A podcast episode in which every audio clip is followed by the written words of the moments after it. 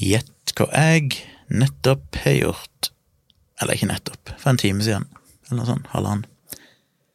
Så gikk jeg en tur med Kyla, som er den nye Yorkie-valpen vår. I dag tidlig så kjørte vi til Vikersund og henta det nye familiemedlemmet.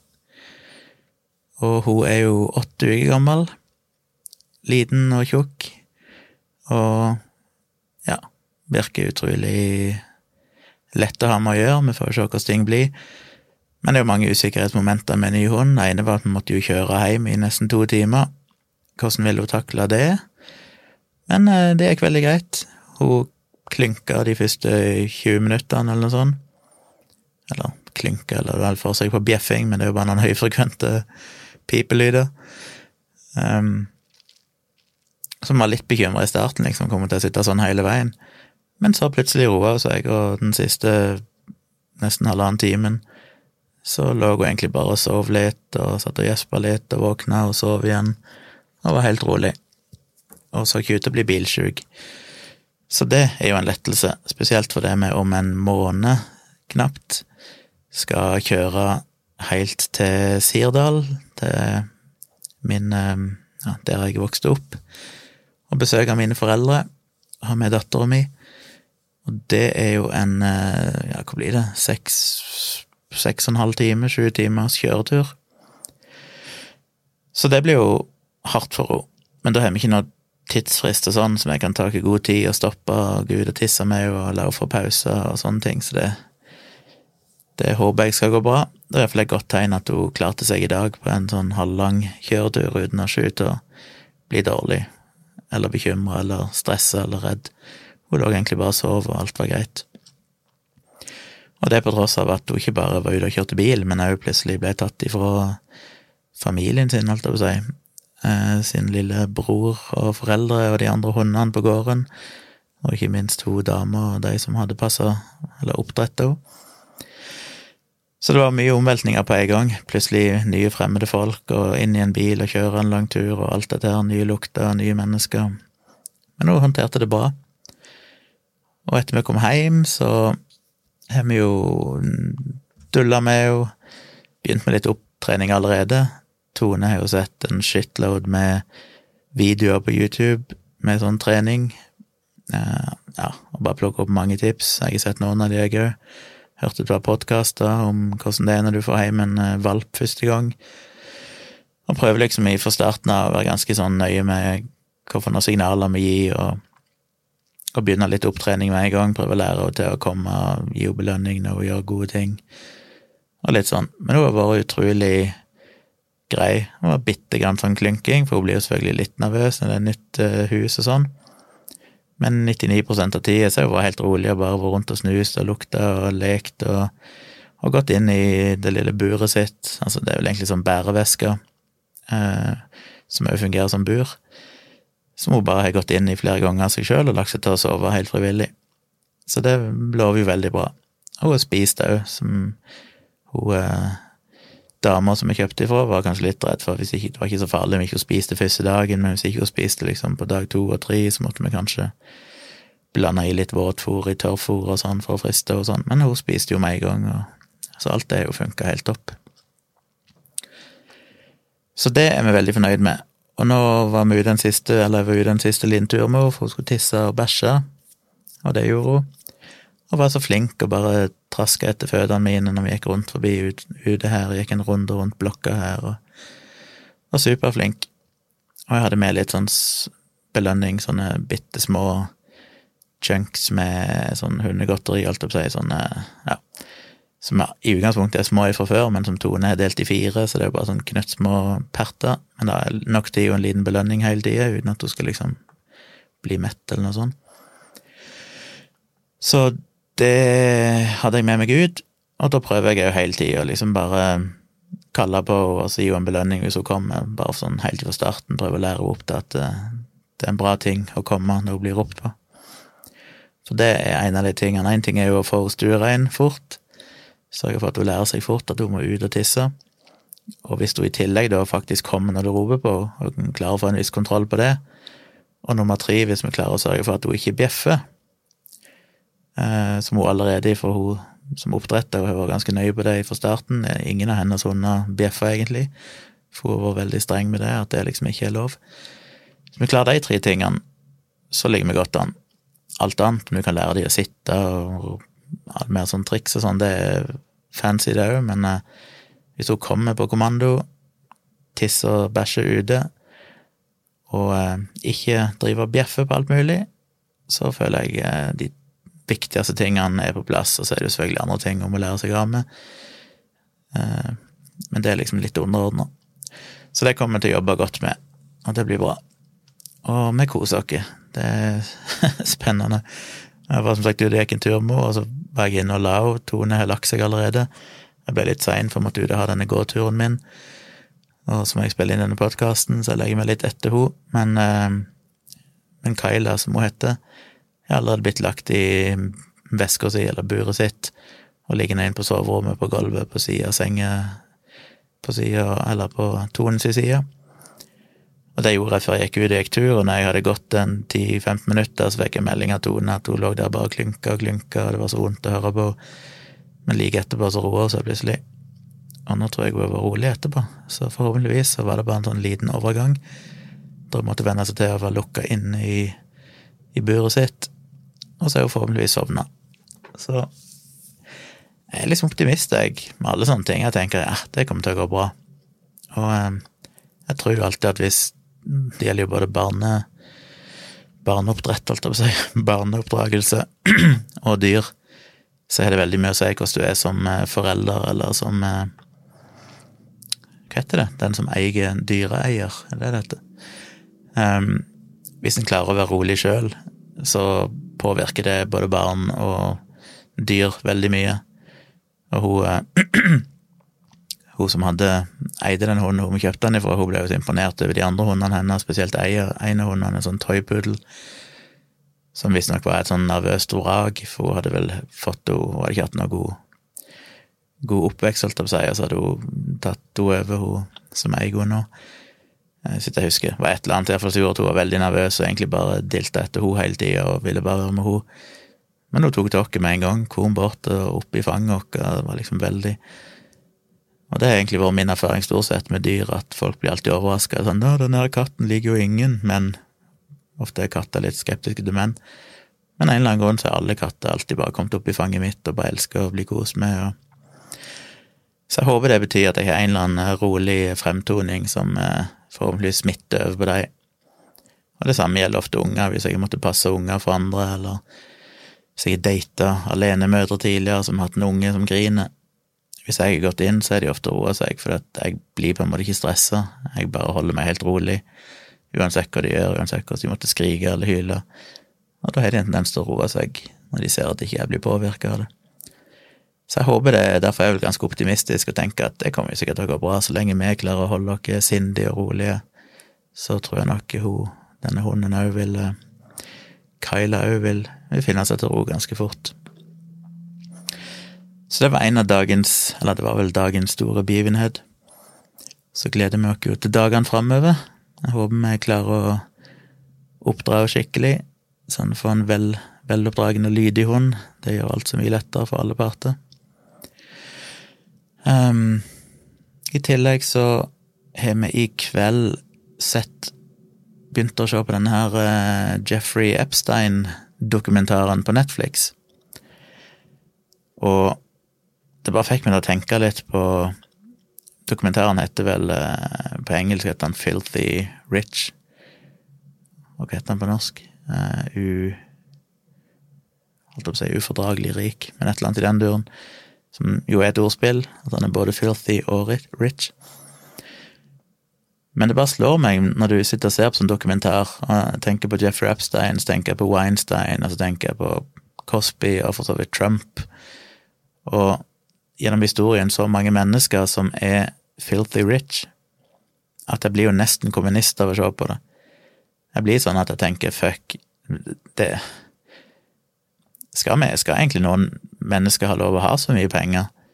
Når folk kommer opp i hundrevis av millioner dollar, eller etter norsk standard og basically er milliardærer, så gjenger det jo stort sett galt. Og problemet er jo ikke bare at Altså, det ene er jo at de stort sett blir ufordragelige rasshøl, hele gjengen. Og så er jo spørsmålet kanskje de, du må være et ufordragelig kriminelt rasshøl for i det hele tatt bli så rik, for det finnes selvfølgelig unntak. Det finnes noen eh, Hva heter det? Noen eh, Åh, nå kommer jeg ikke på ordet. Sånne velgjørere. Vil jo si Bill Gates. Han er sikkert ikke en helt ren sti, han heller, men det er vel ingen noe. Men han har jo brukt pengene sine til det gode, og jeg tror ikke han er jeg tror ikke, Ville overraske meg hvis det viser seg seinere at han har drevet med et eller annet eh, forferdelig snusk. Og du har enkelte andre sånne IT-gründere sånn, som faktisk har brukt pengene sine til mm, veldedighet, primært gi vekk milliarder på milliarder av sin formue til faktisk gode formål, og forhåpentligvis ikke har noen veldig drøye skjeletter i skapet. Men veldig mange av de Jeg føler på en måte det er forskjell kanskje på de som har blitt rike fordi de faktisk har skapt noe, sånn som Bill Gates er jo faktisk Han produserte jo et eller annet, han skapte jo et eller annet og ble rik på det. Han gjorde jo noe som var Han brukte jo sine evner til å faktisk skape et eller annet som var bra for verden, altså et operativsystem, Microsoft, som jo hadde enorm betydning for eh, alle og alt, og alt som er data i dag. Eh, selv om jeg ikke er noen Windows-fan, jeg er jo en Mac-mann sjøl, men jeg har jo brukt Windows selvfølgelig på 90-tallet og litt utover 2000-tallet, og vet jo hvor viktig det operativsystemet selvfølgelig har vært for utbredelsen av PC-er sånn i verden. Og så kan jeg si mye om det, med monopol og alt mulig rart problemer, men uansett, det er en smart fyr som sammen med noen andre det gjorde, lagde et bra, et bra system som har vært viktig, og på den måten blitt rik. Men, virker, men ser du de folkene da som stort sett blir rike bare på andres lidelse, eller som bare er blitt rike fordi de er flinke til å forvalte penger. Sånn som Jeffrey Epstein, han har jo aldri skapt noen ting. Han er jo bare blitt rik ved å forvalte andre sine penger og drive med holdt jeg å si, Jeg vet ikke hvordan det fungerer engang, jeg kan jo ingenting om det der. Men altså salg, kjøp og salg av aksjer og sånne ting, som for meg bare er det verste jeg kan tenke meg. Folk som bare blir steinrike, men de har faen meg aldri skapt noen ting unikt i hele sitt liv. De er bare flinke til å bruke systemet. Og det syns jeg bare er ekkelt. Og jeg bare føler at du må kanskje være litt småkriminell, og i den dokumentaren så viser det seg jo Jeg har jo egentlig bare hørt uh, toppen av isfjellet, jeg har jo bare hørt liksom Jeg visste jo egentlig ingenting om Epstein, annet enn når det kom fram dette med sannsynlig misbruk av diverse unge damer og unge jenter. Men i tillegg til det så er han jo en lang historikk, åpenbart, som en, en fyr som bare har ja, basically gjort ulovlige ting for å bli rik. Litt som Trump. Og det er ikke tilfeldig at de to er gode venner, eller bare gode venner. Um, og problemet med det er at det viser seg jo, sånn som Epstein han, Epstein ble jo sikta for hvor lenge var det siden? Nesten 15 år siden. Men endte opp med at det plutselig ikke ble noen sak, fordi han sannsynligvis kjøpte og betalte noen i FBI eller et eller annet til å bare legge ned saken eller drev med utpressing, for det viser seg jo i dokumentaren at med en gang noen prøvde å ta han, så brukte jo han pengene sine til å leie inn privatetterforskere og alt mulig, som bare drev og rodet gjennom søppelet og til alle politifolk og sånn for å prøve å finne snusk på dem, så de kan blackmaile dem og få dem til å legge ned saken. Og det er det som er problematisk, at når du får så mye penger, så er det jo en trussel mot demokratiet. Det handler jo ikke lenger om eh,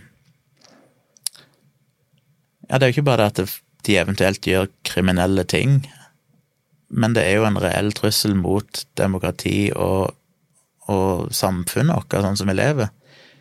For de får uforholdsvis messig mye makt, og det er farlig at enkeltmennesker skal ha så mye makt kun i kraft av at de har mye penger. Så en kan si hva en vil om at ja, det er urettferdig at de skal ha så mye penger, eller at de burde vært det, ofte så er jo disse folkene blitt rike fordi de har tusenvis av mennesker som jobber for dem til vanlige og ofte dårlige lønninger, og at det er urettferdig i seg sjøl, men sett bort ifra alle de etiske aspektene, bare det at noen personer har så mye penger, er, er uetisk, fordi at det er det er udemokratisk, rett og slett. Det er farlig. Og det viser seg jo bare gang på gang hvordan disse folkene kommer seg unna. Trump burde jo sannsynligvis vært dømt mange ganger tidligere men kommer unna fordi han har penger og har makt. Og jeg må jo bare si at jeg heller i motretningen at hvis en eller annen norsk politiker hadde foreslått at hvis du Det er vanskelig å si hvor grensa skal gå, hvor mye skal du egentlig kunne tjene?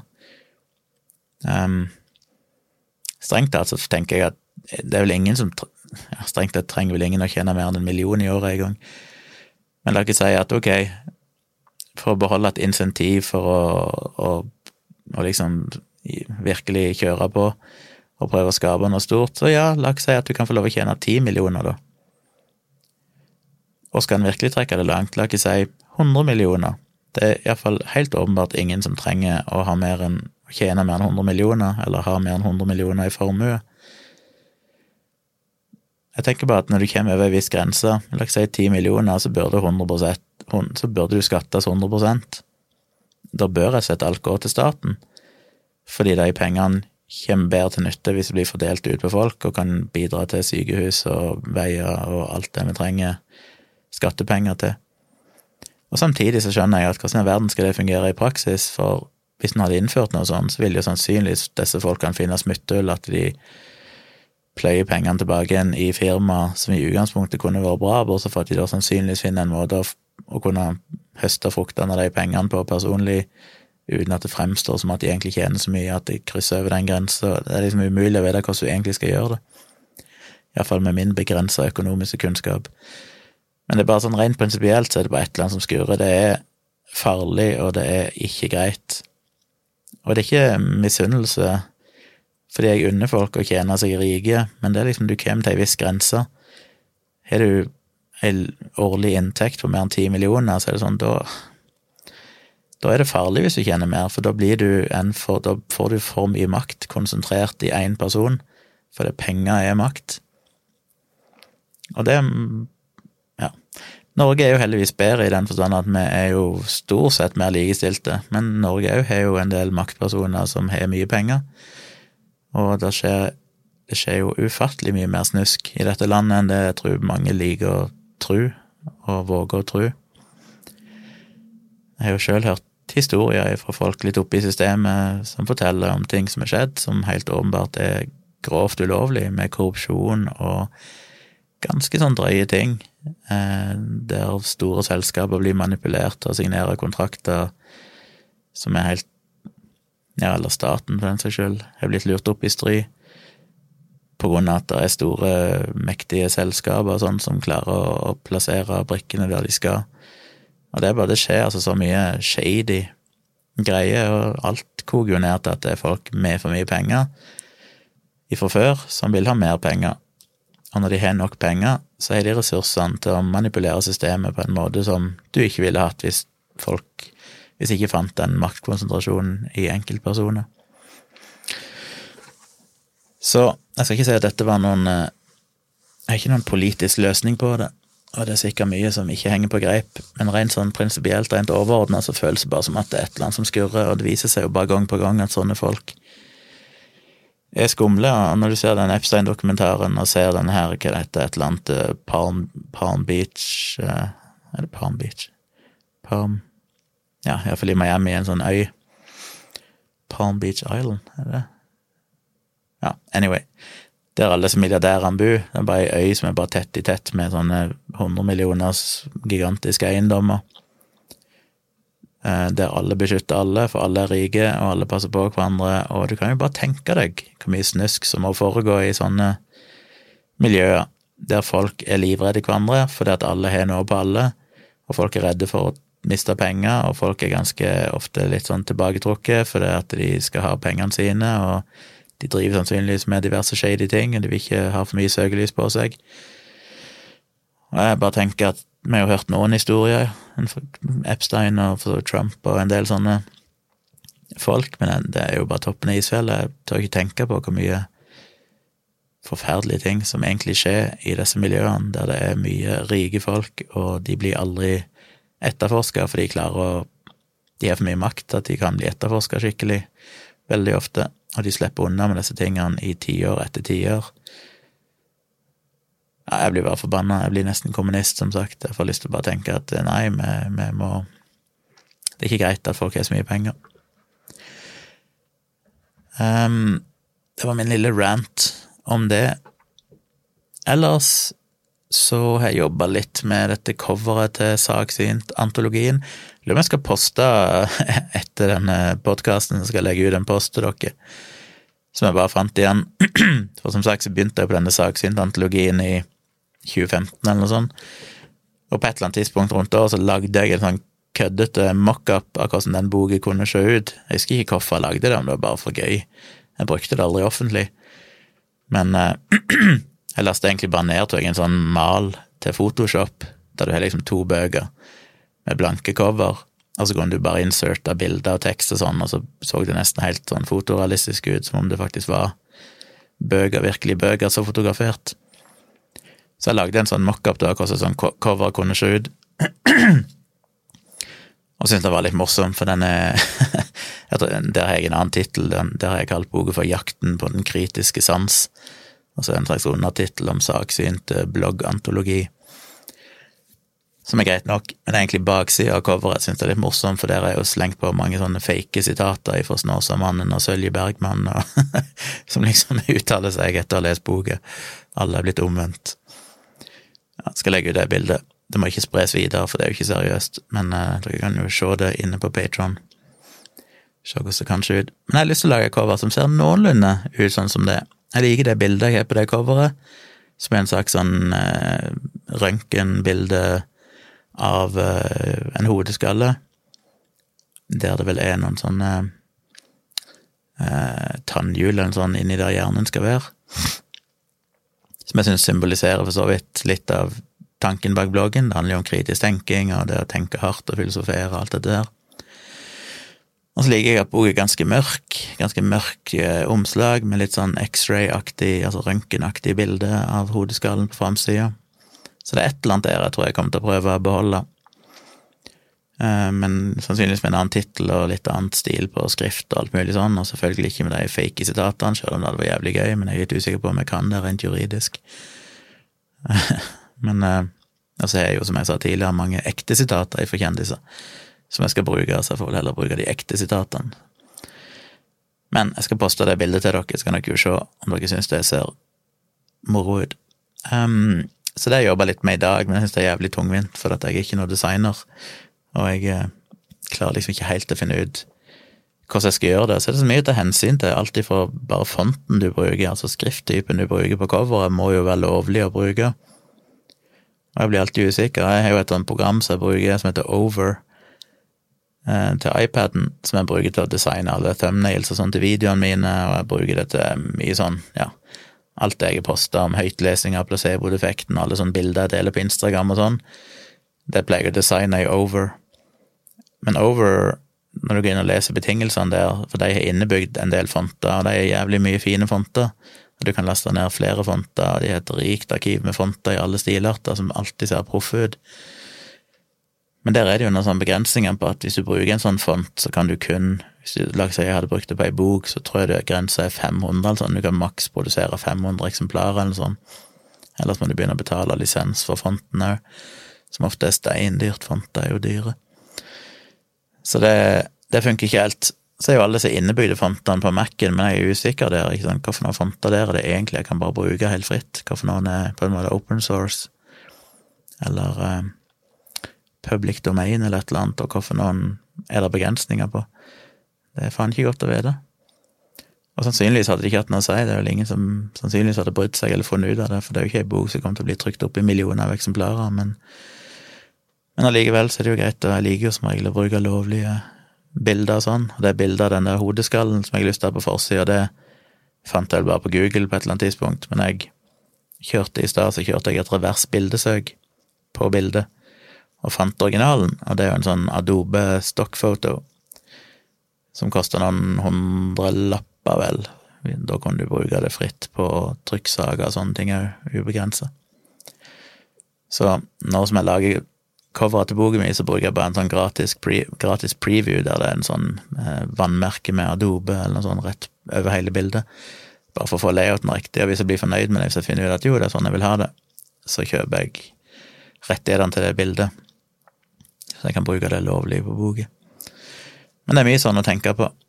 Og som sagt, designet blir Det er vanskelig å finne en font. Alle fontene jeg tester, ser liksom alltid Jeg syns alle de er fine. De fontene som er over, er jo dritfine, men de kan jeg ikke bruke fritt. Så jeg tror jeg må inn på en av de her nettsidene som har fonts.com, eller en av de her sidene med der du kan søke opp fonter, og se om jeg finner en font som jeg syns passer, og så kan jeg jo lese lisensbetingelsene og se hva det koster. De er ofte relativt billige, mange av de, hvis ikke de er sånn superfancy, mye brukte fonter. Og rett og slett se om jeg, hvis jeg finner en innebygd font som funker, så må jeg kanskje bare kjøpe en. Så det er alltid utgifter med alt. Men det er jo derfor jeg er så glad dere støtter meg, for det hjelper jo litt, iallfall. Dekker litt av de kostnadene det måtte koste. Og derfor får dere vel òg denne boka litt rabattert når den endelig kommer. Men det har jo tatt lengre tid enn jeg trodde, for at jeg har så mye annet å gjøre. Det er jobb, og det er denne podkasten, og det er livestream, så det er dialogisk, og det er ny hund, og det er liksom hele tiden noe som foregår.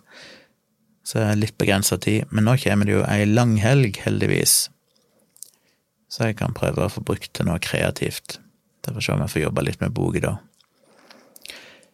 Den her teleprompteren jeg bestilte, jeg sa vel det, at jeg bestilte en sånn billig teleprompter fra Kina. Jeg husker ikke om jeg sa det, men jeg betalte jo noen hundrelapper ekstra for å få den i Ekspress. For den hadde normal leveringstid på sånn 20 dager eller sånt til Norge. Så tenkte jeg det gidder jeg ikke, så jeg betalte jo noen hundrelapper for å få den i mellom tre til seks dager. Nå er det gått åtte dager, og ifølge den eneste sporingsinformasjonen jeg har, så ser det ut til at den fortsatt ligger i Hongkong. Så det spørs jo om det er bortkasta penger, å bruke penger på ekspresslevering når han allerede har overskredet den grensa og fortsatt ikke ser ut til å være sendt ifra Hongkong engang, så der ble jeg vel kanskje lurt. Det var jo som sagt en litt shady nettbutikk, så gudene vet. Kanskje de bare unnskylder med koronasituasjonen, men vet da faen. Det skal vel egentlig ikke forsinke noen ting i Asia nå for tida, så jeg skjønner ikke helt hvorfor det er så treigt. Og disse siste akustiske panelene jeg venter på, de har nå det ble stoppa, viser seg, den siste pakken, for den inneholdt jo noen sånne paneler jeg skal på veggen, men jeg bestilte òg to flasker med spraylim. Og den spraylimen hadde jeg tenkt å bruke til å spraye på baksida av de her 30 ganger 30 cm skum skumplastfirkantene som jeg har limt opp på skapdørene mine her bak, for å dempe refleksjoner der. Men jeg hadde jo ikke venta på den spraylimen, så jeg brukte jo, gikk jo bare på butikken og kjøpte noe sånn superlim, og limte de opp. Eh, så jeg trenger egentlig ikke den spraylimen lenger. Men tanken var jo å bruke den. Og det viser seg at eh, de skulle egentlig sendes med DHL, og jeg fikk jo alle de andre pakkene. DHL leverte de til posten, og så måtte hente de på posten, som sagt. Men DHL nekta visst å ta med seg den siste pakken fordi den inneholdt spraylim, og den spraylimen er ansett som brannfarlig. Og dermed, jeg vet ikke om det er fordi de sender det med fly, eller hva det er for noe, men dermed så stoppa den. Så den ble returnert, jeg tror han kom til liksom Hamburg eller sånn, og så ble han returnert tilbake igjen til det tyske firmaet, hvor de holder til hen i Tyskland. Og så fikk jeg til slutt en mail der de sa, forklarte dette, og så var han sendt på nytt, men denne gangen med UPS, for de godkjente å ta med seg eh, den spraylimen. Så det har jeg nå fått en eh, Ja, tilsynelatende så skal det leveres på tirsdag, tirsdag 3. juni. Så det ble jo drøyt forsinka. Men, men. Jeg har jo fått opp det meste allerede, og det ser jo Det har jo hjulpet allerede, så Men jeg gleder meg til å få den siste pakken og kan få alt det på plass. Uh, ja. Så det var min lille kommunist-rant pluss, pluss. Så jeg er tilbake igjen i morgen. Vi satser vel på en samboerprat, som sagt, på søndag. Så følg med da. Søndag klokka åtte blir det vel sannsynligvis. Da får dere jo, regner jeg med, hilse på Kyla, den nye valpen. Må jo gjøre eh, YouTube-stjerne, hun òg. Så hvis dere vil hilse og se Kyla, så møt opp klokka åtte på søndag, og så sjekk ut livestreamen til meg og Tone, så får dere hilse på henne. Og ellers så er det en jobbdag i morgen, men så er det ei lang helg, og det gleder jeg meg til. Og vi snakkes igjen i morgen kveld, da. Ha det.